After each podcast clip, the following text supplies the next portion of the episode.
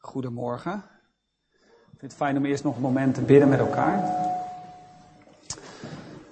Heer, u weet dat uh, de dienst van vanmorgen onderdeel uitmaakt van uh, de preek die we twee weken geleden gehouden hebben. Dat het één geheel vormt. En uh, ik wil bidden, Heer, voor degenen die er twee weken geleden niet waren, dat ze het kunnen volgen. Dat ze in zijn en help mij ook om het rustig en goed uit te leggen en mee te nemen. Heer, ik uh, bid ook voor alle kinderen, tieners, jongvolwassenen, waarvan er zoveel zijn. Ik ben echt dankbaar en blij om, Heer. Het verheugt mijn hart. Maar ik weet ook um, hoe het soms kan zijn om onder een preek te zitten en uh, dat het over je hoofd kan gaan. Zo heb ik zelf ook zo vaak gezeten onder uw woord. Heer, maar dan is uh, mijn verlangen en uw verlangen dat uw doel zult treffen vanmorgen. En dat ze in zullen zijn. Spreek, o Heer, en laat uw woord ook in hun harten indalen en dat er iets bij mag zitten voor hen. Vader, dat willen we zo met elkaar bidden. In Jezus' naam. Amen. Van de week reed ik met mijn uh, zoontje van uh, zes naar school. En er zaten nog een paar andere kinderen op de achterbank. Wij rijden gecombineerd met een aantal andere gezinnen. En uh, ik zag dat hij niet zo lekker in zijn vel uh, zat. Dus we stapten bij school uit. En je weet wel hoe dat gaat. Dan vliegen die kinderen de auto uit. En uh, ik zei, kom, kom nog eens even bij papa. En ik zeg, voor mij, voor mij zit je niet zo lekker in je vel. Wat is er? En hij zegt, dat ga ik niet zeggen. Ik zeg, ja, oké, kan niet uit je pulken. Maar ehm, ik zei tegen hem van, je weet dat je altijd tot de Heer Jezus kan bidden als je het moeilijk hebt in de klas. En uh, hij is altijd bij je. Dus dat kwam zo spontaan uit me en ik gaf hem een zoen en uh, hij vloog dat schoolplein op met zijn rugzak op. Wat gebeurt er? Um, hij was zijn gymspullen vergeten. En of hij dat nou al geweten had, dat weet ik niet. Maar uh, ik was terug thuis en uh, mijn vrouw moest weg. En uh, um, die kwam opeens weer binnenlopen en die was de sleutels vergeten en die was weg. Die kwam weer binnenlopen en die was nog iets vergeten. En toen kwam ze een derde keer binnenrennen. Zegt, Jefta is zijn, zwemsp of zijn gymspullen vergeten. En dat is de grote angst, want dan moet je in je onderbroek gimmen, blijkbaar. Nou, dat vindt hij echt verschrikkelijk. Ik denk van ja, waarom hebben ze dan niet gewoon een beetje gymspullen nog over? Die geef je dan zo'n veentje. Maar goed, blijkbaar is dat zo. Dus zij vloog naar school die klas in en uh, Jefta, die had uh, een beetje gehuild en uh, was verdrietig geweest, maar hij had dat niet laten zien aan de anderen. Maar goed, als moeder zie je dat natuurlijk direct. En zij geeft hem die gymspullen en hij zegt, ik heb ervoor gebeden. ik heb gebeden dat mama die, die gymspullen zou komen brengen. En mijn vrouw rijdt terug en die vertelt dat zo thuis en toen dacht ik van, dat is heerlijk hè, dat, daar word ik zo blij van. Gewoon in de eenvoud van het leven is God. En deze kleine jongen, waar je iets aan wil overbrengen, die brengt dat in praktijk in de klas. En het werkt. Het is er echt. En dat verblijdt ons. Dat de inspanning die je mag leveren als ouders, in dit geval is dat even voor een voorbeeld in het gezin, dat dat zijn uitwerking heeft. En dat zo'n kleine jongen eenvoudig in de klas bidt. En God, want mijn vrouw had geen enkele aanleiding om aan die gymspullen te denken. Ze zit in die auto en opeens denkt, hé, hey, die gymspullen. Ik prijs de Heer. En dat heeft alles te maken ook met het thema van twee weken geleden en van vandaag. Dat is, wat laten wij geestelijk achter? Ik heb het nalatenschap genoemd, maar ik heb eigenlijk ook een nieuw woord deze twee weken ontwikkeld. Dat is, wat is onze geestelijke footprint? Wat is onze geestelijke nalatenschap hier in dit leven, wat wij overdragen? Door wat wij doen, wat wij leven en wat wij aan het eind van ons leven als het ware achterlaten. De footprint, ik denk dat degenen die een beetje het milieu- en het klimaatdebat voeren, die weten dat we een CO2-footprint hebben. dus de hoeveelheid energie en verbranding voor mij op een dag, uh, die wordt uitgedrukt in een CO2-footprint. Nou, we weten allemaal dat het klimaat verandert en dat wordt aan elkaar gekoppeld. Dus de hoeveelheid uitstoot die wij hebben, negatief, die doet iets met het milieu, zegt men. De CO2-footprint. Maar tegenwoordig hebben we ook een data-footprint. iedereen zit wel ergens op zijn mobiel of op zijn telefoon. En per dag verbruik je zoveel data. Nou, vroeger was dat heel weinig. Ze zeggen dat het over een paar jaar 60 gigabyte per dag per persoon is wat wij aan data verbruiken. De sporen die wij achterlaten. Maar ik geloof dat er ook een geestelijke footprint is. En dat het Gods verlangen is, dat is positief, dat wij een geestelijke voetafdruk nalaten. Hè? Footprint in het Engels en in het Nederlands is dat een voetafdruk. En daar heb ik vorige week, twee weken geleden, over gesproken aan de hand van het leven van David. David, een man van God, die bezig is om een voetafdruk achter te laten. Aan de hand van de overdracht van zijn macht en de bouw van de tempel aan Salomo. En ik had drie V's. En uh, ik ga jullie niet over horen. Maar wie weet zo spontaan, de eerste. De eerste V. Misschien een van de kinderen. Verlangen. Ja, ik heb hier geschetst van uh, dat David een diep verlangen had naar het werk van God. Dat zien we in de psalmen. Ik verlang, heren. Ik wil bij u in het huis zijn. Dat het verlangen het eerste belangrijke element is, een ingrediënt om die geestelijke voetafdruk te hebben. De tweede, wie weet hem? Vervulling. Ja, ik dacht van de week, je zou er ook kunnen zeggen vertrouwen. Ik heb het over de beloftes van God gehad. David heeft zich vastgehouden aan de beloftes van God, in vertrouwen op Hem. En deze beloftes kwamen in vervulling. Ik ga het niet helemaal herhalen, dat is mijn valkuil, dat ik te veel weer terug ga grijpen. Maar en de derde, wie weet die nog? Visie, heel goed. Goed zo jongen. Wist je dat zelf of was, was je geholpen? Oh, kijk, prachtig. Wie schrijft, die blijft, hè? Fantastisch. Ja. Oh, bedankt. Wie nog meer? Mooi. Ja, visie van God. Hè, in, in dit geval voor David was, David was natuurlijk dat hij visie kreeg over het huis van de Heer. De bouw van de tempel. En ik heb daarin ook gezegd, die visie ontstond. Die zoon die die tempel zou bouwen, de plek, het ontwerp. Ontstond op momenten dat David diep was gevallen.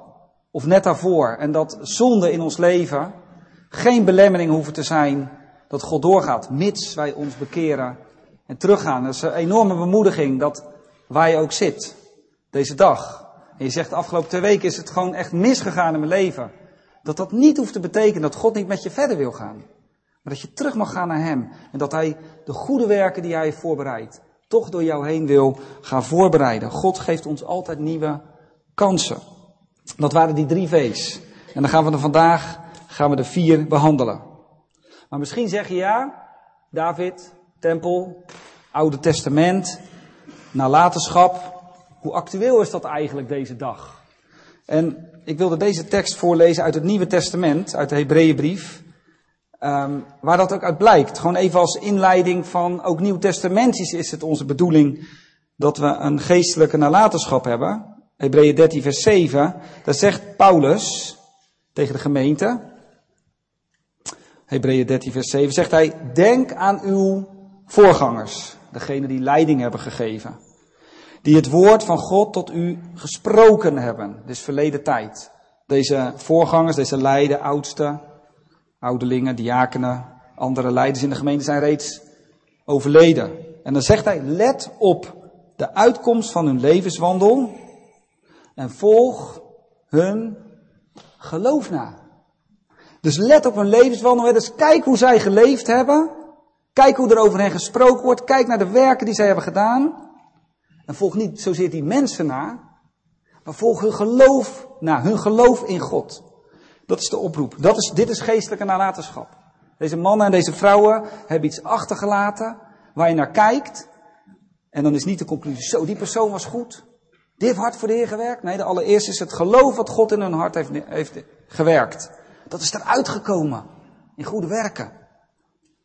Geestelijke nalatenschap. Ook in deze nieuwtestamentische tijd in de 21ste eeuw. En ik heb vier V's voor vanmorgen. Als eerste de verdrukking. Ik zal ze nog even langslopen. Verdrukking omwille van God. Voorbereidingen namens God. Verbinding met God en de naaste en vermenigvuldiging, voortplanting door God. En ik heb vorige keer 1 Kronieken 22 een groot gedeelte gelezen. Dat ga ik vanmorgen niet weer opnieuw doen.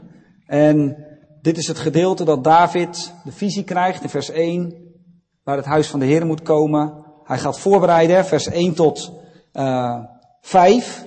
Dan gaat hij aan de slag. Dat heeft een aantal jaren geduurd. Goud, zilver, overvloedig. Daar kom ik ook nog in mijn preek op. En dan in vers 6 zien we dat hij Salomo erbij haalt. Hè? 1 Kronieken 22 vers 6. Toen riep hij zijn zoon Salomo en gebood hem.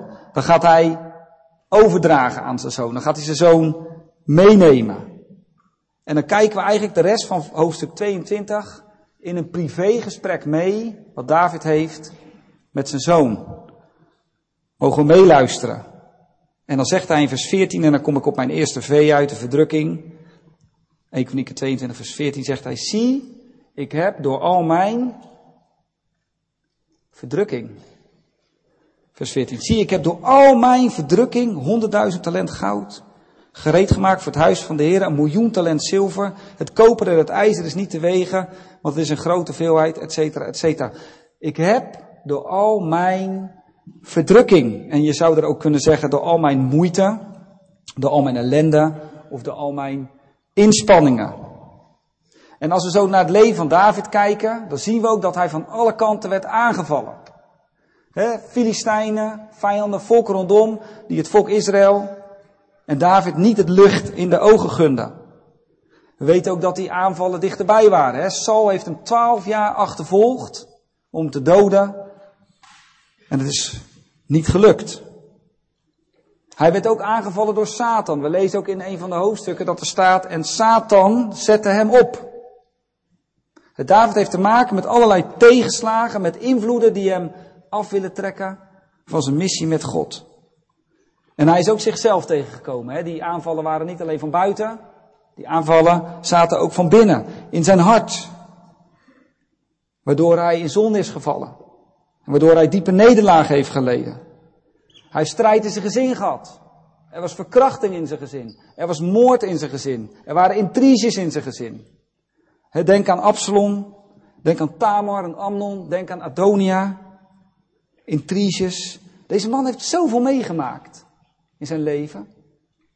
En in die cocktail van dat alles, die aanvallen van binnenuit en van buitenuit, zegt hij, in die verdrukking heb ik mijn werk gedaan. In die verdrukking ben ik doorgegaan. In die tegenstand heb ik me vastgehouden, ook al was het niet makkelijk. Ook al was het niet makkelijk. David gaat door met het doel waar God hem wil, voor wil gebruiken. En ik zie het als het ware, hij laat niet los. Kinderen, wie van jullie heeft er een hond? Of misschien thuis een hond. En wat gebeurt er als je, en dan ligt het natuurlijk aan welke hond je hebt, maar als je die hond een stok geeft, wat doet hij dan? Of een balletje. Zeg het maar. Dan bijt hij. En, en laat hij makkelijk los. Nee, het ligt een beetje aan welke hond je hebt. Hè. Sommige honden kijken een beetje boos en dan denk je, nou ik laat het balletje maar liggen. Maar de meeste honden, die houden dat balletje vast. En dan wil je het uit die bek pakken of die stok. En dan lukt niet hè. Je hebt zelfs honden die til je gewoon met stokken nou op. Hij laat niet los. Want hij denkt, die stok is van mij. En die ga ik niet loslaten. Nou, even een simpel voorbeeldje. Maar zo is het als het ware met David.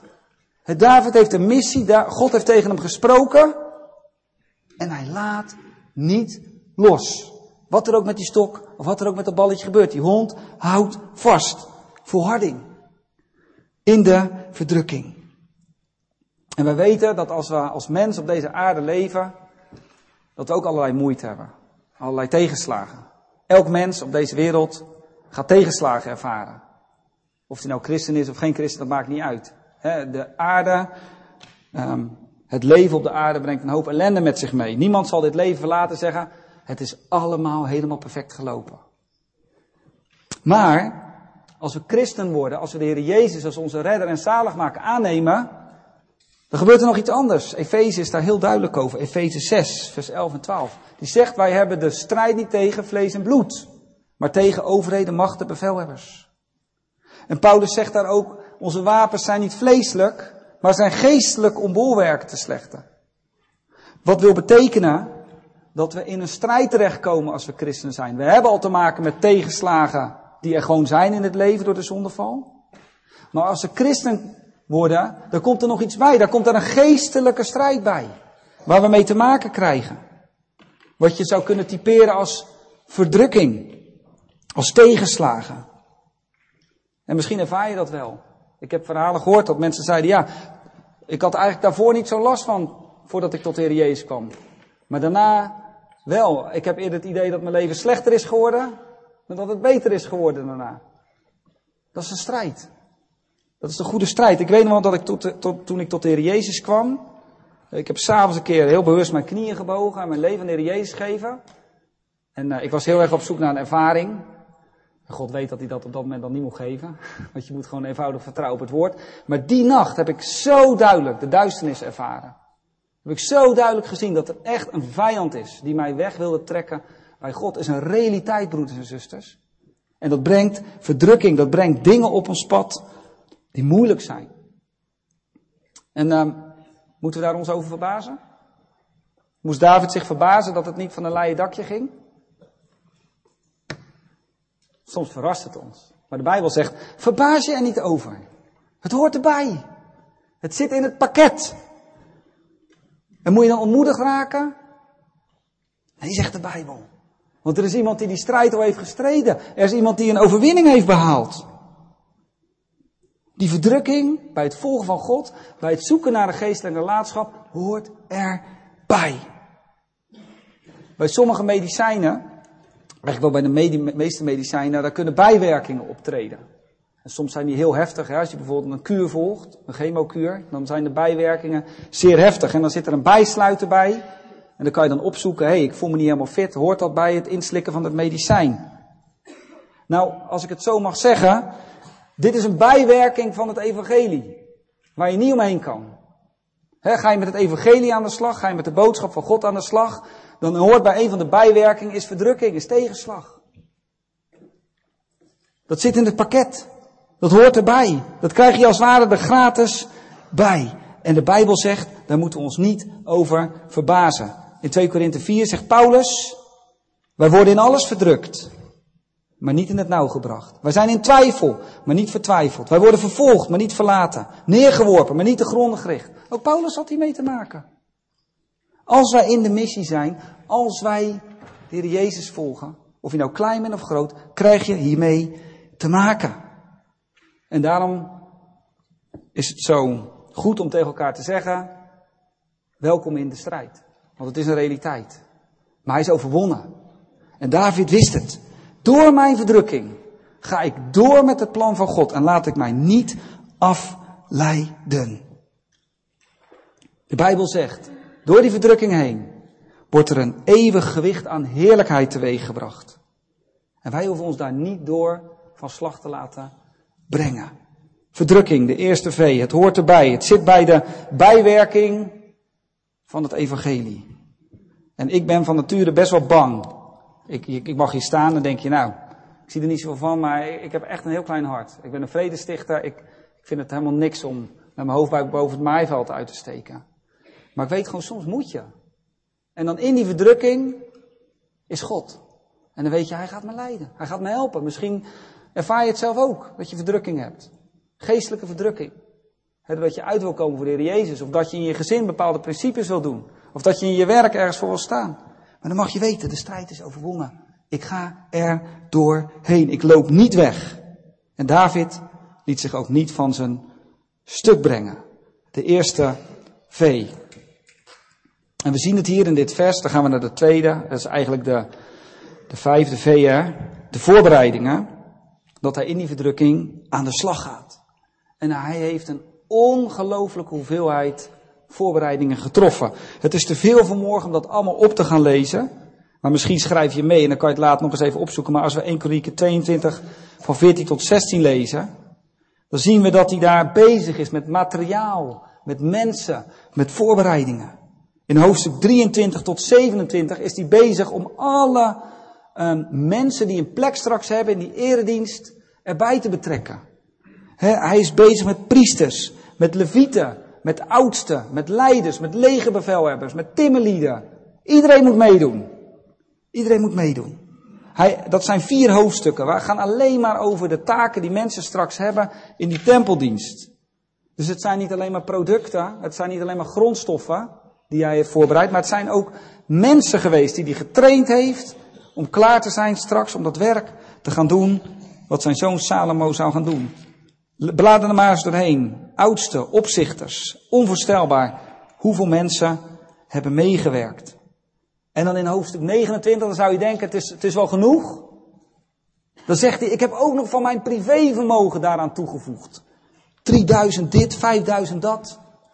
En dan zegt hij, beste mensen, hè, want dat hoofdstuk 29 is het moment dat hij publiekelijk de macht overdraagt aan Salomo. Dan zegt hij, beste mensen, maar willen jullie ook vrijwillig nog geven?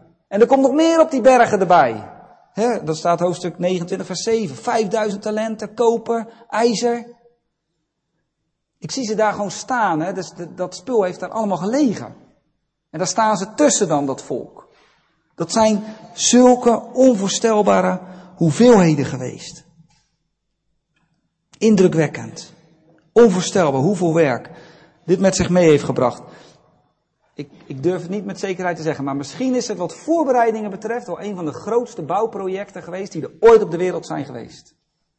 En misschien is een grote niet, hè, want de tempel is fysiek niet zo vreselijk groot geweest, maar wat hierin is gebruikt is onvoorstelbaar. En ik had een beetje zitten rekenen dat alleen het zilver, dat is 30 miljoen kilo zilver.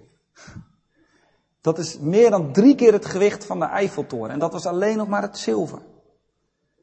Zien jullie wat een enorme inspanning David heeft gepleegd om alles voorbereid te krijgen. Het heeft hem alles gekost. Dit is Davids levenswerk geweest. David heeft uh, voor zijn gezin gezorgd. David heeft oorlogen gevoerd. Daar lezen we ook veel over. Maar dit was het echte levenswerk van David. Die tempel van God gaan zorgen dat die gebouwd kan gaan worden. Hij zegt in hoofdstuk 29, vers 2, ik heb het met heel mijn kracht gedaan. met heel mijn kracht heb ik voor het huis van mijn God gereed gemaakt. Dit was de passie van David, dat huis van de Here bouwen. En hij liet zich niet afschrikken. Ik ga door. En het kan zijn van, ja, zo'n tempel, dat is een fysiek iets, dat moest David bouwen. Dat kan je vastpakken, dat is concreet. Maar dat dat bij ons gewoon anders is. David was een fysiek werk. Het was een geestelijk werk, maar dat was een fysiek werk. En bij ons is het minder tastbaar, minder zichtbaar. Ik denk dat de Heer niet aan ons vraagt om een tempel fysiek te gaan bouwen. En ik wil wat voorbeelden noemen. Waarin we die voorbereidingen kunnen zien, die geestelijke voorbereidingen. Hoe je dat nou moet toepassen in de praktijk. Dat werk van de Heer, dat huis van de Heer. En ik heb een aantal voorbeelden. Allereerst in ons gezin. En dan praat ik met name tegen de ouders. Maar ook denk ik wel voor de wat oudere singles. Um, oudere kinderen die, die, die horen daar ook bij, bij dat gezin. En hebben we visie op hoe we ons gezin opvoeden, onze kinderen opvoeden. Hoe God naar ons kijkt. Dat wij kinderen van God te leen hebben gehad, zodat we ze voor zijn eer op mogen voeden. In de vrezen des Heren. Wij hebben echt moeten leren de afgelopen tien jaar. Hoe, hoe doe je dat met kinderen? Ze zijn allemaal verschillend. Gezinsmomenten, momenten van aanbidding, muzikale gaven. Uh, is een zoektocht. Wij hebben verschillende kinderen. En soms zijn onze gezinsmomenten een, beetje het begin van een bron van ellende, zeg ik maar. Hè? Die heeft geen zin en die heeft geen zin. Maar ik merk als ik met, met Janneke, mijn vrouw, daaraan toewijd, van wij willen die momenten en we gaan samen bidden en zoeken, hoe past dat het beste in mijn gezin? Soms moeten wij eerst even lekker een filmpje kijken. Goeie film natuurlijk. Voordat wij verder kunnen gaan met praten, een momentje van zingen. Dus dat is per gezin verschillend. Maar hebben wij visie om die vrees des Heeren in ons gezin te brengen? Hebben we daar tijd voor? Ik denk dat dat een van de grote bottlenecks is. Tijd. Dat we daar geen echte tijd voor nemen als vaders en moeders om echt er te zijn. Het wordt zo snel geroofd. Het is zo druk. We hebben zoveel prikkels. Maar God zegt, onze eerste missie is mij aanbidden. En als je ze mag hebben, voor je gezin en voor je kinderen zorgen.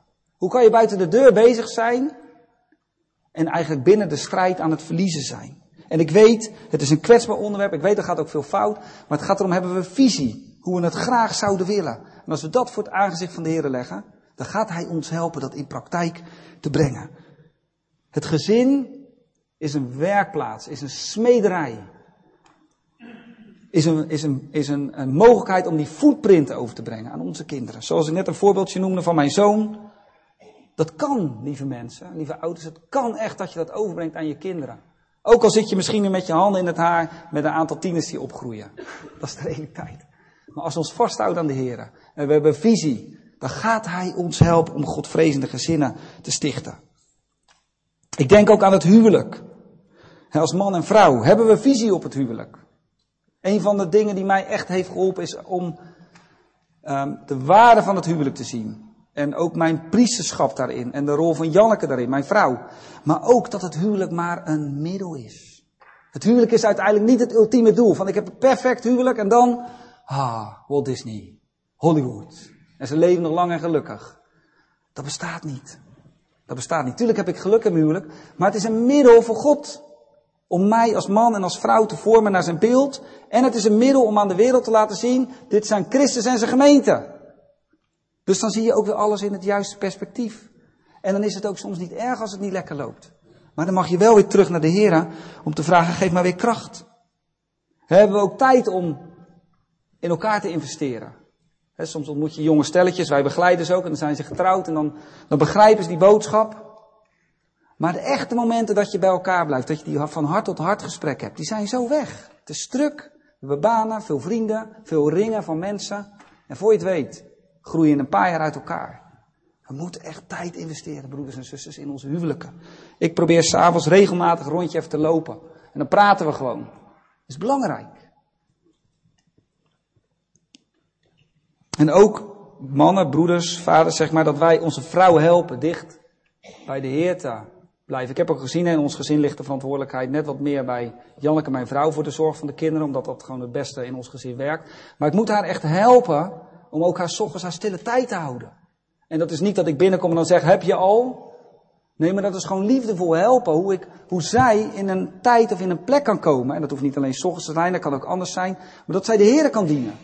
En dat ik die kinderen bijvoorbeeld even heb. Maar als voorbeeld, dat we daar als man en vader ook echt oog voor hebben. Hoe kan onze vrouw, onze moeder, groeien naar het beeld van de Heer Jezus? Daar hebben wij als priester ook een verantwoordelijkheid voor. Ik heb het hier ook opgeschreven, ook rondom relatievorming. misschien zijn er jonge stelletjes hier, die verkering hebben, die verliefd zijn tot over hun oren, maar heb je visie? Hoe God het wil, hoe God wil dat je een relatievorm geeft. Wat het doel is van het huwelijk. Waarom je rein moet blijven. Misschien vind je het heel irritant dat je dat vanmorgen hoort. Dat vingertje van uh, niemand elkaar naar bed hè, voor trouwen. Maar als je gaat zien wat voor principe daarachter zit, waarom dat zo mooi is, visie hè, noem ik dat, dan is het heel mooi om daaraan te werken samen dat dat niet gebeurt. Omdat het iets is wat God wil geven. Het is geen straf, het is een blessing, het is een zegen om rein het huwelijk samen in te gaan. Met de juiste man en de juiste vrouw. En wat de rol van je ouders ook zijn rondom relatievorming. Dat is ook belangrijk om daar visie op te hebben. Ziet u dus gezin, huwelijk, relatievorming, singles, en jullie hebben ook een belangrijke plek. Ik zeg altijd huwelijk en single zijn is volkomen gelijkwaardig. Maar hoe ben je single? wat betekent je in de gemeente? Wat betekent je in de gezinnen? Ik geloof echt dat singles zo'n belangrijke rol hebben. Misschien heb ik het wel eens gezegd. Vergeef me. Maar wij hebben veel singles over de vloer. En ze kunnen heerlijk bijdragen in ons gezin. En ik vind het ook helemaal niet erg als een van die jongens of die meiden zegt van... Uh, Job, volgens mij uh, moet je eens een beetje uh, hoe erg is dat? Dat zij helpen in de missie om mijn gezin en mijn huwelijk gezond te houden. En natuurlijk, dat gaat op basis van relatie. Maar de singles hebben een belangrijke plek. Ook in het huisgezin van God.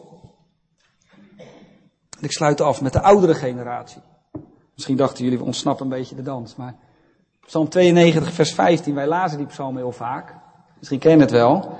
Zij zullen in de grijze ouderdom vruchten dragen. Ze zullen fris en groen zijn om te verkondigen dat de Heer recht is. He, nog staat daar. Of ook nog. Ze zullen ook in hun ouderdom, als ik het makkelijk samenvat, getuigen van de daden van de Heer. Opa's en oma's, jullie hebben ook zo'n belangrijke rol. Ook in die geestelijke nalatenschap. Ook op jullie oude dag. Ik zeg al maar, geestelijk ga je nooit met pensioen. Je bent nooit uitgewerkt. En misschien moet je aan een inhaalrace beginnen. deze boodschap is om je te bemoedigen.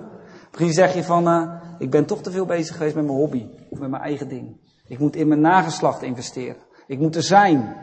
En ik ga kijken of ik die plek weer kan verdienen. In de grijze ouderdom. Dat je een grote footprint mag halen. Ik, ik zie dat ook bij Naomi, hè. Dat is even een zijspoortje. Als je goed het boek Rut leest, dan zie je dat er iets met Naomi gebeurt. Zij is zo getraumatiseerd. Ze is zo uh, psychisch de weg kwijt. Maar aan het eind krijgt ze Boas in de armen. En als je dat leest, is indrukwekkend wat er dan met het hart van Naomi gebeurt. Dat hart ontdooit, dat hart geneest, dat hart komt tot rust in dat proces, omdat ze weet, de God van Israël zorgt voor mij. En dan wordt ze de verzorgster van Obed. Wie heeft dat ooit gedacht? Dat Naomi dat zou worden.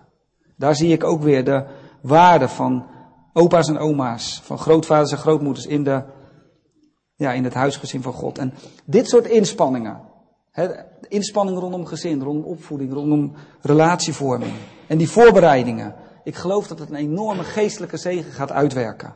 En David, David zag die berg met spullen. Wij zien dat misschien niet als we met deze dingen bezig zijn. En misschien als je bezig bent in je gezin en huwelijk, dan, dan, dan vereist daar niet de berg stenen.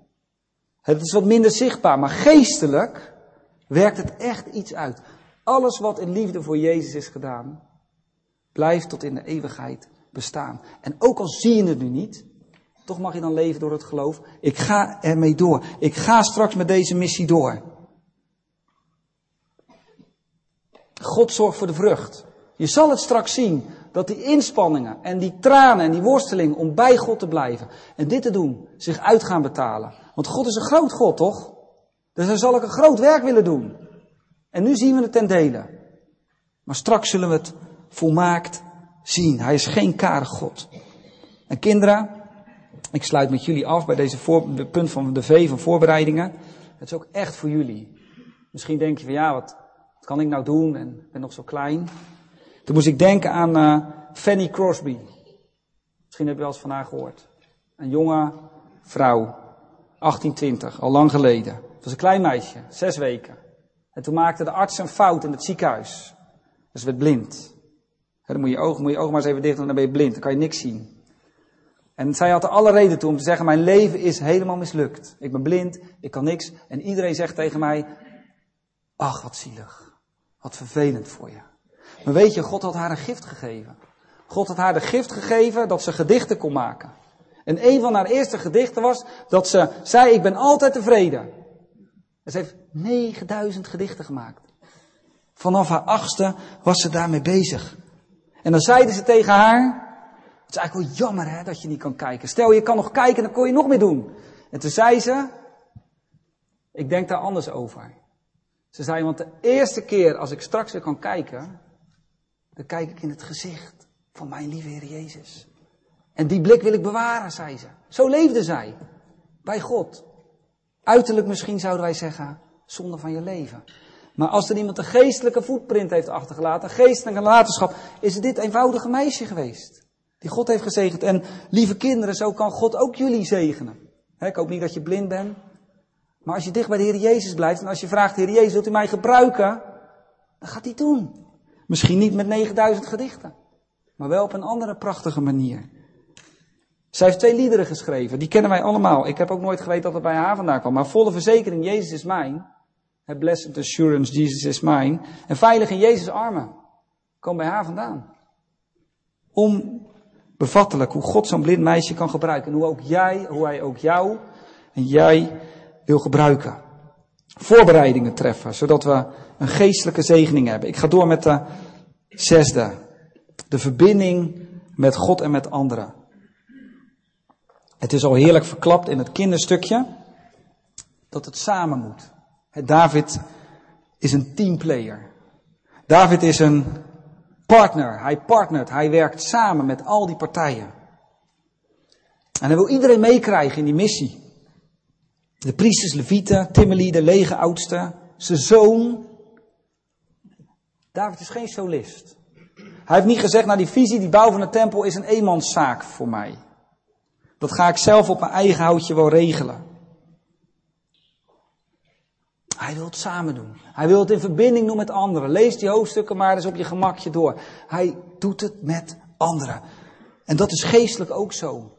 Als wij een geestelijk nalatenschap willen hebben, is dat geen solozaak. Dat is niet iets wat je alleen doet.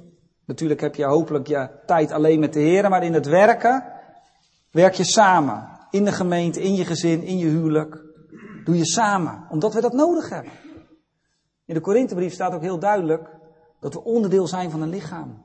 En dat de hand en de voet en het oog, hè, dat zijn de leden, dat zijn de verschillende, uh, verschillende personen, elkaar nodig hebben. We hebben allemaal blinde vlekken. In de opvoeding, in het huwelijk, in werk in de gemeente. We schieten allemaal tekort. En daarom zegt God, je moet het samen met elkaar doen, vanuit de eenheid. En David heeft dat geweten, als dit werk werkelijk moet verrijzen, Als dit huis van God gebouwd moet worden, dan kan het alleen maar samen. In eenheid.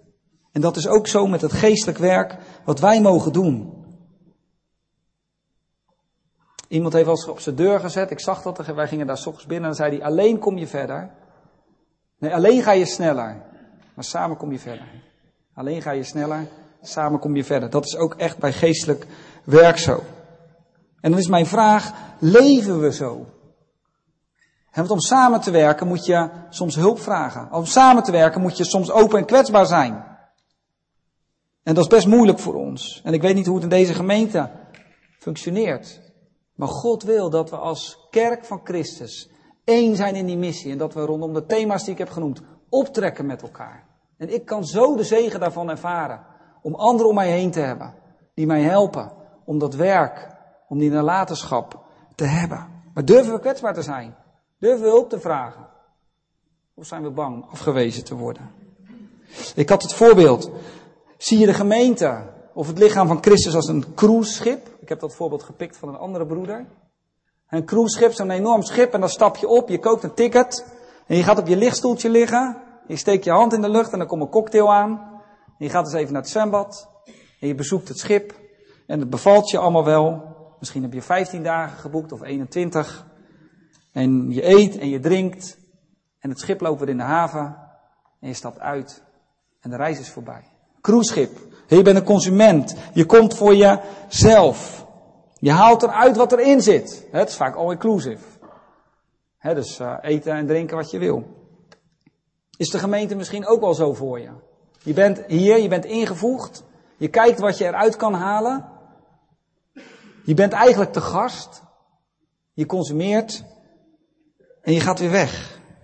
Als je verzadigd bent. Of als je zegt, ik vind het toch een beetje tegenvallen, die service hier. die ober die kwam niet snel genoeg met die cocktail. Of zie je het als een battleship. Een oorlogsschip. dus we hebben het cruiseschip, waar ben je, daar ben je klant, daar ben je consument, daar word je verwend. Of zie je het als een oorlogsschip. Waar je onderdeel bent van de bemanning. Waar je samen een missie hebt. Waar je met elkaar moet samenwerken om dat doel te bereiken. Kan zo allemaal voorbeelden noemen. Dat als je op een oorlogsschip niet samenwerkt. En de een wil die kant op en de ander wil die kant op. Dan denk ik dat wij wel aanvoelen. Dan gaat dat gruwelijk mis op dat schip. En zo is het heel vaak ook in de gemeente van de Heer Jezus. Dat we allerlei kanten op willen met elkaar. Maar een battleship moet koers varen. Die heeft een missie. En je bent bemanning. Je bent in of je bent niet in. En is dat altijd leuk op een battleship? Ik denk dat de soldaten het echt niet leuk vinden als je dat ziet. Wat je moet trainen en wat je zweten. En, uh... Maar ze weten, ik doe het voor goed doel. de meeste soldaten, die doen het voor een goed doel. Die hebben een ideaal, die willen een land verdedigen. En daarom melden ze zich aan en zijn ze bij de marine en zijn ze op dat schip. En ze weten, willen de vijand verslaan. Dus in omstandigheden is het niet zo fijn. En het schuurt ook best wel eens een keer. Hè? Er komen wel eens misstanden naar buiten. Maar uiteindelijk hebben ze wel een doel. Dat schip gaat de goede kant op. Nou, zo is het ook in de gemeente van de Heer. Zo is het ook met werken samen aan die nalatenschap. Dat je de gemeente niet ziet als een cruiseschip. Maar dat, dat, je, dat je het ziet als een battleschip. Waar, waar, waar in een oorlog je met elkaar kan koersvaren. En waar het soms schuurt en moeilijk is en je op elkaar stenen trapt. Maar waar je ook weer van beseft, dat moet ik even goed maken. Want we hebben samen een missie. We hebben samen geestelijk nalatenschap wat we moeten bouwen in deze tijd. En lieve broeders en zusters, dat gaan we steeds meer nodig hebben in deze tijd. We zullen elkaar steeds meer nodig hebben om samen in die strijd sterk te staan. Er zijn zoveel thema's de komende vijf of tien jaar die gaan veranderen, waar je echt op elkaar moet gaan terugvallen. En dat is geen doemscenario. Ik koppel dat ook niet direct aan COVID. Maar als ik alleen al kijk op het thema van, van de ontwikkeling van man, vrouw, seksualiteit, homoseksualiteit, transgenderisme, etc. Dat gaat zo'n vlucht nemen. Wat ook betekenis gaat krijgen in de kerk. Hoe doe je dat met elkaar? Op een goede, liefdevolle manier. En zo komen de ontwikkelingen op de kerk af. Ontwikkelingen op dat bouwen van het huis van de Heer. Die maken dat we één moeten zijn met elkaar. En niet dat je de gemeente ziet als een cruiseschip. En uiteindelijk, als we naar David kijken, dan zien we dat dat verlangen, dat vertrouwen, hè, die belofte van God, die verdrukking waar hij doorheen moet, die voorbereidingen die hij treft, dat samenwerken, dat verbinden wat hij met hij doet, uiteindelijk leidt tot vermenigvuldiging. Ik blader met jullie even naar 1 Kronieken 29. 1 Kronieken 29. De laatste V van vermenigvuldiging. Ik lees een aantal versen vanaf hoofdstuk 29 en dan vers 23. Dan komen we eigenlijk aan het slotstuk. Toen zat Salomo, vers 23 van hoofdstuk 29, zat Salomo op de troon van de Heere als koning in de plaats van zijn vader David. Op de troon van de Heere zat hij, hè? In de plaats van zijn vader David. En hij was voorspoedig en heel Israël luisterde naar hem. Alle bevelhebbers en helden en ook alle zonen van koning David gaven de hand. Dat is bijzonder, hè? Als je ziet hoe verdeeld dat gezin was. Wat een enorme um, strijd er aan de gang was. Hè? Adonia die nog net voordat dit gebeurde de macht probeerde te grijpen. En nu geven ze allemaal Salomo, hun jongste, een van de jongste broers, geven ze een hand. Dat is echt het werk van God geweest in deze familie. Kom zo spontaan even op, ik had het niet eens in de voorbereiding gezien. Als teken dat zij onder koning Salomo trouw zouden zijn. Toen maakte de Heer Salomo buitengewoon groot voor de ogen van heel Israël. Hij gaf hem zoveel koninklijke majesteit als geen enkel andere koning van Israël voor hem had gehad. Zo heeft David, de zoon van Izzy, geregeerd over heel Israël. De tijd nu dat hij geregeerd heeft over Israël is 40 jaar, in Hebron 7 jaar en in Jeruzalem 33 jaar. En dan lees ik ook vers 28 nog even erbij. Hij stierf in goede ouderdom, verzadigd van dagen, rijkdom en eer. En zijn zoon Salomo regeerde in zijn plek, in zijn plaats. Je ziet de inspanningen van David. Al het werk wat hij gedaan heeft met de Heer. Vermenigvuldigde zich, hè? leidde tot de geestelijke nalatenschap die overging op zijn nageslacht. De tempel zou er komen, dat weten we als een paar hoofdstukken verder lezen. En uiteindelijk zou de Messias uit zijn nageslacht komen. Dat was de andere belofte die God hem had gegeven. En, en deze man van God, deze David, waarvan we ook gezien hebben dat hij zoveel fouten heeft gemaakt, heeft zijn, zijn DNA, zijn geestelijk DNA over kunnen brengen op de mensen om hem heen en op zijn nageslacht. En zelfs vele koningen later, hè, lees, de, lees de koningenbrief maar eens door en het laatste deel van de kroniekenbrief, twee kronieken, staat heel vaak. En hun vader David. En God zegt ook regelmatig, omwille van het werk van mijn vader David heb ik, zelfs als die persoon in zonde leefde, zegt hij nog, omwille van mijn vader David zal ik, of omwille van mijn dienstknecht David, zal ik nog niet ingrijpen. Zal ik de straf nog in mindering brengen. Ik noemde dat eigenlijk is dat geestelijk krediet. Dat is natuurlijk iets wonderlijks, hè? maar de, de, het uitvloeisel van het werk van David ging door tot in vele geslachten en God hield daar rekening mee. En David was niet perfect. Het is een eerlijk verhaal wat we lezen over deze man van God. Maar hij had een volkomen hart. Dat is het geheim, denk ik, van deze zeven feesten. Dat we een volkomen hart hebben. En is dat een perfect hart? Is dat een hart wat nooit afwijkt? Nee, want dat gebeurt. Hè? Dat zegt Johannes ook. Als we denken dat we niet zondigen, zijn we leugenaars. Maar een volkomen hart is een hart wat altijd weer teruggaat naar God. Wat zonde beleidt, wat zich bekeert en wat zich verootmoedigt. En dan kan God altijd door. Met jou en mijn leven. En is dat nu nog mogelijk? Ik denk ik wel. Misschien hebben we niet zo'n einde als David. Dat zou het zijn. Hij stierf in goede ouderdom, verzadigd van dagen, rijkdom en eer. Nou, zo'n uh, begrafenis zou ik wel willen hebben. Maar ik denk niet dat we het ook kunnen zeggen, ja, dat, betekent als je zo leeft dat je zo zal sterven. Dat, dat is Nieuw Testamentisch denk ik niet uit te leggen. Maar ik denk wel dat we in de volle rust en in de vrede, met een schone lei mogen, mogen sterven. Het is goed. Ik heb gedaan wat ik kon doen. In gebrek. Maar het werk wat u mij heeft gegeven, dat heb ik mogen doen. En Johannes zegt dat. In 1 Johannes, in 3 Johannes, zegt hij, ik heb geen grote blijdschap dan hierover, dat ik hoor dat mijn kinderen in de waarheid wandelen. Mijn kinderen waren niet zijn biologische kinderen, waren zijn geestelijke kinderen die hij had verwekt door zijn werk. En ze wandelden in de waarheid. En het gaf hem zo'n heerlijke vreugde. En ik hoop, lieve broeders en zus, dat we echt hier werk mee maken. Dat dit onze passie gaat worden de komende tijd. Dat we zeggen, we moeten misschien keuzes maken in ons gezin, in ons huwelijk, in ons werk, hoe we in de gemeente staan. Om echt onze focus op het werk van God te krijgen in deze tijd. Zodat we alle luiheid misschien en wereldse gezindheid aan de kant zetten en een geestelijk nalatenschap willen kweken. En dat deze gemeente een battleship wordt. Ik zag het hè, Refbab. Reformatorisch battleship zou ik dan zeggen. Ik weet niet of je logo aan laat passen. Maar dat dat het verlangen gaat worden van u en van mij. Ik moest denken, we hebben avondmaal. Het is een voorproefje, het avondmaal, van wat we straks gaan meemaken met Heer Jezus. Dat we aan zullen liggen. Moet je eens even indenken, dat is een realiteit. Hij zegt, we zullen aanliggen met Abraham, Isaac en Jacob. En hij zal ze brengen van oosten, westen, noorden en zuiden. En dat je aan die tafel ligt en dat daar de mensen zijn die je lief hebt. Dat niemand ontbreekt. Dat is een heerlijke gedachte. En misschien zijn er mensen waarvan je nu dat niet zeker weet. Dat ze buiten je bereik zijn. En dan mogen we bidden met elkaar. Dan mogen we strijden met elkaar. Dat God ze gaat binnenhalen. Op het gebed. En door ons werk. En door onze liefde. En dat je uiteindelijk aan die tafel de inspanningen van je werk zal gaan zien. Dat er als het ware uitbetaling van het loon zal zijn, omdat je ziet wat daar aan tafel zit. Dat lijkt me een heerlijk verlangen om zo deze dienst af te sluiten. En broeder Gerker zal het zo overnemen. Ik zelf heb het verlangen om um, een klein beetje huiswerk mee te geven.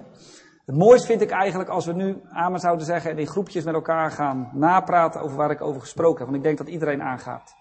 Maar goed, het is een lange dienst. We gaan ook nog avondmaal houden. En mij is verteld dat de Urkers heel erg hun familie waarderen. Dat is positief. Om samen naar de dienst verder te gaan. Maar toch zou ik twee dingen willen doen. Ik heb hier een aantal briefjes. En als je zegt, ik wil heel graag hier eens in het gezin of samen of met mijn familie over doorpraten, heb ik een aantal vragen die je kunnen helpen. Ik leg de briefjes hier straks al voor in. Dan kan je er gewoon eentje afpakken. Maar ik wil ook de gelegenheid geven, als je zegt van ik vind het toch fijn om even na de dienst, na het avondmaal straks door te praten. Ik heb wat vragen, dat we wat mij betreft achterin even een paar stoelen zetten. Ik zal er zijn, Gerko zal er zijn, dat we even een momentje met elkaar kunnen doorpraten over, nou misschien zit je ergens mee, misschien ervaar je een belemmering, misschien begrijp je niet helemaal wat ik heb gezegd. Dat we daar even over door kunnen praten. De wereld zegt altijd, je moet het ijzer smeden als het heet is. En wij als kerk vinden dat soms best moeilijk. We denken, ja, dat komt wel ergens deze week. Maar ik zou de uitnodiging willen doen als je zegt, ik vind het fijn om even door te praten, straks na de dienst, dat daar ook gelegenheid voor is. We gaan met elkaar nog zingen, voordat Gerk het over zal nemen